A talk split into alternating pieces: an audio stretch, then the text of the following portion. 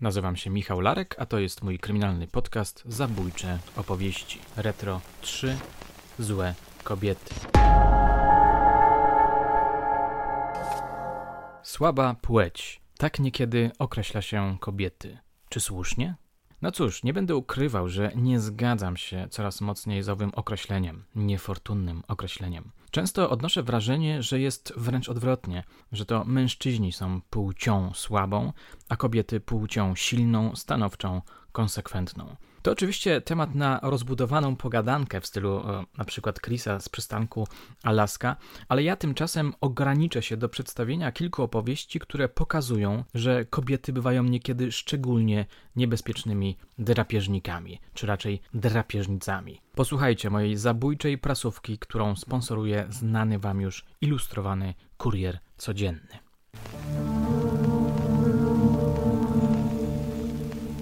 Zaczniemy od 1927 roku. W numerze z 10 lutego tegoż właśnie roku znalazłem notatkę prasową zatytułowaną Gdy kobieta staje się hieną. Opisana w niej historia wydarzyła się w Rumunii.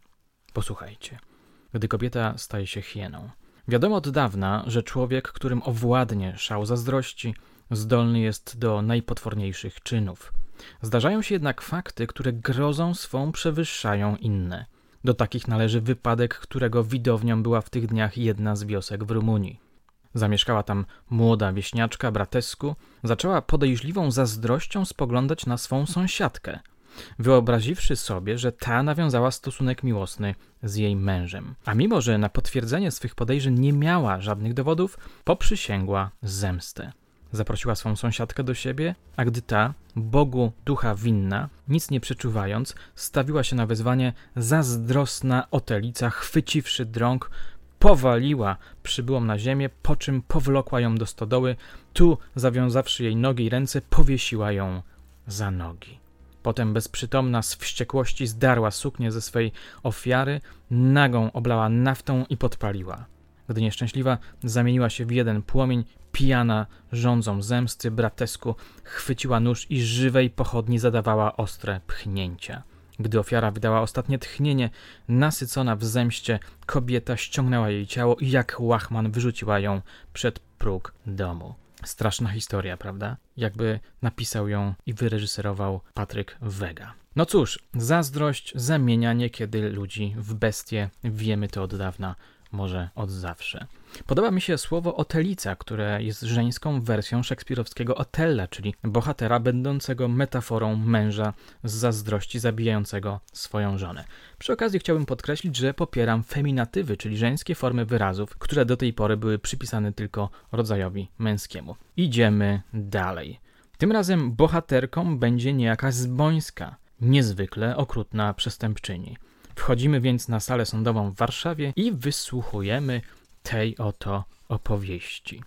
Skazana na śmierć Zbońska prosi o przyspieszenie wykonania wyroku. To tytuł i jeszcze podtytuł Zatwierdzenie wyroku 80 morderstw rabunkowych. Z Warszawy telefonuje A.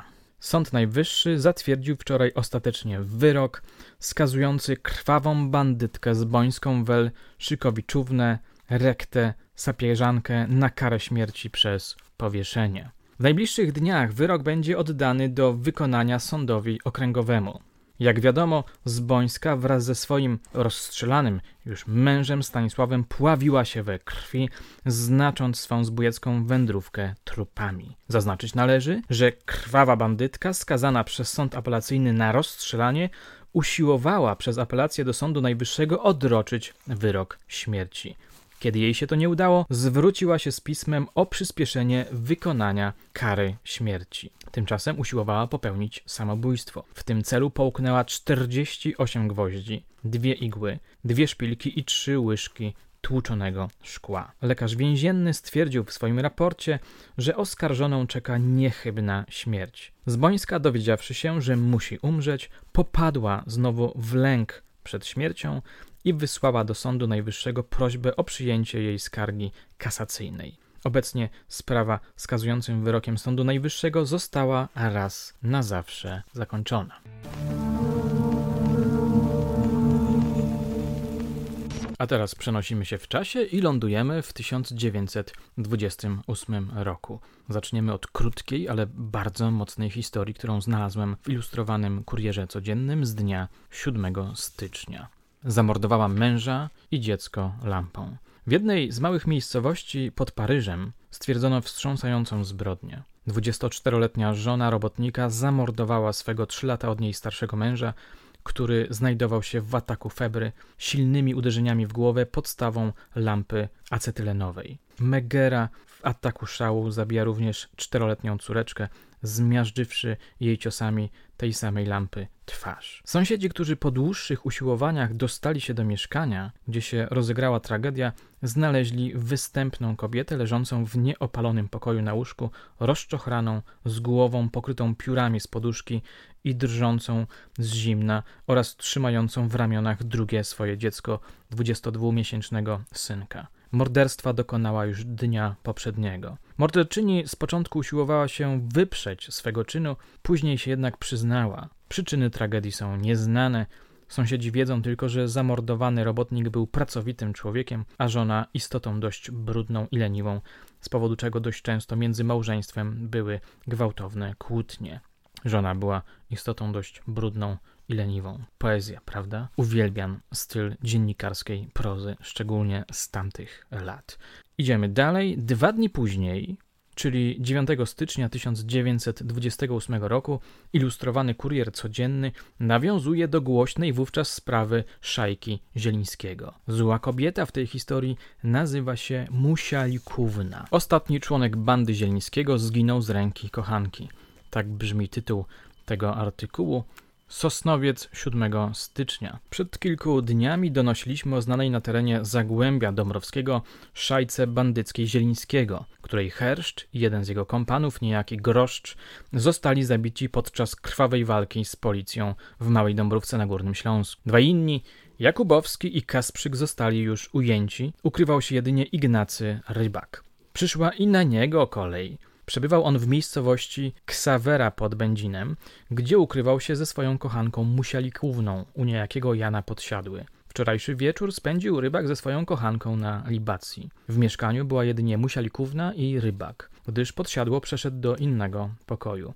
Po chwili rozległ się strzał i wybiegła Musialikówna, zawiadamiając Podsiadłe, że rybak pozbawił się życia. Uwiadomiona o tym policja nie dała wiary słowom Musialikówny i aresztowała ją. Za winą jej przemawiał znaleziony pod poduszką rewolwer, który prawdopodobnie Musialikówna sama tam włożyła. W ten sposób ostatni z szajki Zielińskiego zginął z ręki kochanki. A więc widzimy, jak kochanka dobija całą bandę. Piękna historia. Idziemy dalej zmieniamy klimat na bardziej elegancki tym razem. Znacie powieści albo filmy o słynnym dżentelmenie włamywaczu, który nazywał się Arsène Lupin? To jest mniej więcej ten klimat. Klejnoty, wyższe sfery, bogactwo, chciwość, złodziejstwo, ale też i nienaganne maniery. Posłuchajcie opowieści, którą znalazłem w ilustrowanym kurierze codziennym z dnia 14 stycznia 1928 roku. Występuje tu sam cesarz Franciszek Józef. Jak dama spółświadka ukradła cesarzowi Franciszkowi Józefowi koronne klejnoty. Tak brzmi tytuł. A teraz zabieram się do lektury e, tekstu. Jest dość długi, ale i niezwykle e, ciekawy. Posłuchajcie. Pan Raoul de Bossigny, były detektyw paryskiej policji, ogłasza w angielskich pismach pamiętniki, z których podaliśmy niedawno ciekawą aferę z teczką ukradzioną księciu Walii. Obecnie podajemy inny, nie mniej interesujący wypadek z bogatej kariery wielkiego detektywa. Pisze on, co następuje. Polityczne i dyplomatyczne powody nie pozwalały mi dotychczas ogłosić niżej opisanego zdarzenia. Ponieważ dwie osoby, grające w nim największą rolę już nie są przy życiu, więc moja niedyskrecja nikomu przykrości nie zrobi. Chodzi o kradzież części klejnotów cesarskich koronnych Austrii, dokonanej przez piękną damulkę, należącą do paryskiego półświadka, którą stary Franciszek Józef tak zainteresował się, że zaprosił ją do Wiednia. Mnie udało się całe to sprzysiężenie odkryć prawie od początku. Pierwsze podejrzenie powziąłem od chwili, gdym podsłuchał rozmowę prowadzoną w salonie hotelu Ritz pomiędzy wspomnianą damulką a jakimś mężczyzną. Indywiduum to było znane dyrektorom rozmaitych więzień i nawet groziła mu pewnego razu gilotyna w związku z tajemniczą śmiercią pewnej tancerki. Cesarz, który znajdował się w Paryżu podczas jednych ze swych periodycznych odwiedzin, zatrzymał się z bardzo małą świtą w hotelu Ritz. Razem z dwoma atasze ambasady, trzema detektywami wiedeńskiej policji, urzędnikiem z Kederse i moimi podwładnymi byłem stacjonowany we wspomnianym hotelu, ażeby bacznie czuwać nad gościem. A ponieważ gość ten lubił w zwykłych i niezwykłych godzinach znikać zupełnie samotnie, więc nasza praca nie należała do zupełnie łatwych. Owego dnia widziałem, jak urocza panna Germain piła jakiś napój w towarzystwie wspomnianego człowieka. Stojąc za dużą palmą, mogłem pochwycić urywane zdania z rozmowy, które nasunęły mi podejrzenie, że panka owa uknuła plan obrabowania cesarza z klejnotów znacznej wartości. Później dopiero dowiedziano się, o jakie to klejnoty chodzi. Tego samego wieczoru mała awanturniczka miała na ręce pyszną bransoletę wysadzaną diamentami jako następstwo znajomości zrobionej z monarchą dnia poprzedniego. Utwierdziło mnie to w przekonaniu, że cesarz uległ już jej czarowi. W trzy dni później opuścił on Paryż i równocześnie awanturnica zajęła zarezerwowany przedział w ekspresie zdążającym do Wiednia. Podzieliłem się moim podejrzeniem z austriackimi detektywami. Jakież było moje zdziwienie, gdy oni wzruszyli na to wszystko ramionami i oświadczyli, że jeśli cesarz pragnie takiego towarzystwa, to nie ma na to rady. Starałem się ich przekonać. Oni jednakowoż obstawali przy swoim, twierdząc, że dama jedzie pod opieką cesarza i sprawa skończona. Zdecydowałem się wówczas pojechać sam za awanturnicą do Wiednia i skoczyłem do pociągu z chwilą, gdy już ruszał.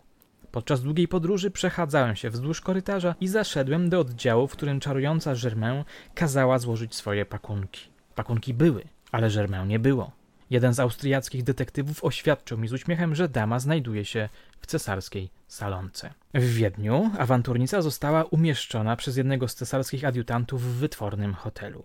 Ja również zająłem tam pokój. Gdym w dwa dni później wszedł do hotelu, Zastałem ją na rozmowie z tym samym człowiekiem, którego widziałem w hotelu Ritz. Przez kilka dni panna prowadziła całkiem przyzwoite życie i tylko od czasu do czasu w nocy wyjeżdżała wytworną limuzyną w niewiadome miejsce. Wkrótce okazało się, że moja sytuacja nie jest do pozazdroszczenia. Wiedeńska policja zupełnie odmówiła współpracy ze mną i to głównie z tego powodu, że takie mieszanie się do spraw osobistych cesarza mogło pociągnąć bardzo niemiłe następstwa. Chciałem spowodować usunięcie owej pary z kraju. Musiałem jednak stwierdzić, że potęga cesarza zbyt była wielka i odpowiednie władze nie próbowały nawet zaczepiać owych osób. Pewnej nocy stwierdziłem, że Germain i wspólnik zapłacili rachunek i przygotowują się do opuszczenia Wiednia. O 11 godzinie zajechało pod Amulkę auto, a o pierwszej wróciła do hotelu, gdzie oczekiwał już ją kochanek. Wkrótce wyjechali na dworzec, a ja za nimi. Wsiedli do pociągu jadącego do Paryża. Ja również. Za przyjazdem do Paryża zajęli pokój w hotelu Terminus. Postarałem się o nakaz aresztowania ich. Gdy przystąpiono do rewizji ich pakunków, odkryła się tajemnica ich pobytu w Wiedniu. W pakunkach znaleziono klejnoty wartości kilku milionów franków, a przy tym brylanty koronne Austrii. Z tymi klejnotami odwiedziłem ambasadora Austrii. Ten zadepeszował do Wiednia i otrzymał odpowiedź, że awanturnicy udało się nakłonić cesarza, ażeby jej pokazał klejnoty koronne. Skorzystała ona z tej sposobności i część z nich skradła. Klejnoty zostały przez specjalnego kuriera odesłane do Wiednia, a parka została wydana Austrii. Nigdy jednakowoż nie postawiono ich przed sądem. Powiedziano mi później, że kazano im o tym wypadku zachować jak najgłębsze milczenie i dano im pieniądze, ażeby zniknęli.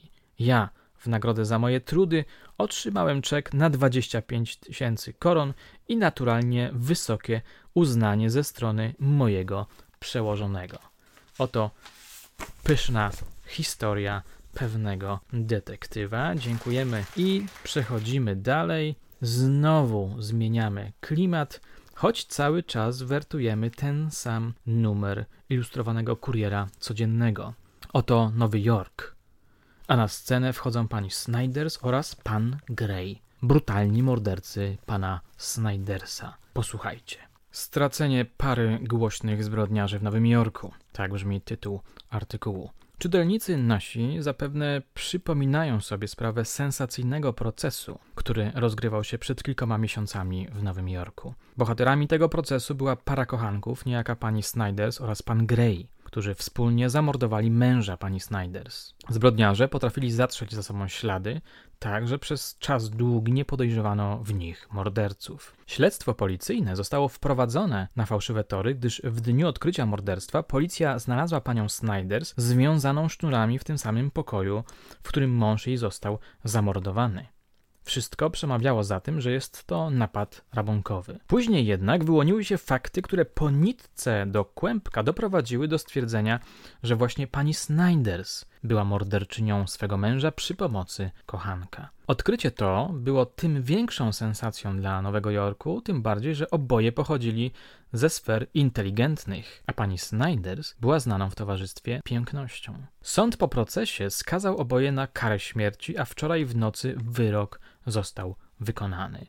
Na krześle elektrycznym, według przyjętego zwyczaju, który kobietom nawet w tym tragicznym przypadku daje pierwszeństwo, pierwsza siadła pani Ruth Snyders, a w minutę później jej wspólnik Gray.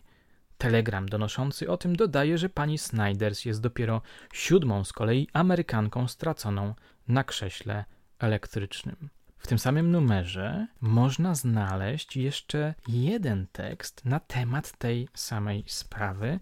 Przyznam, że może on wprawić w osłupienie. Posłuchajcie. 25 kobiet chce ponieść śmierć zamiast morderczyni Snyders. Tak brzmi tytuł artykułu, który zaiste zachęca do lektury. Nowy Jork.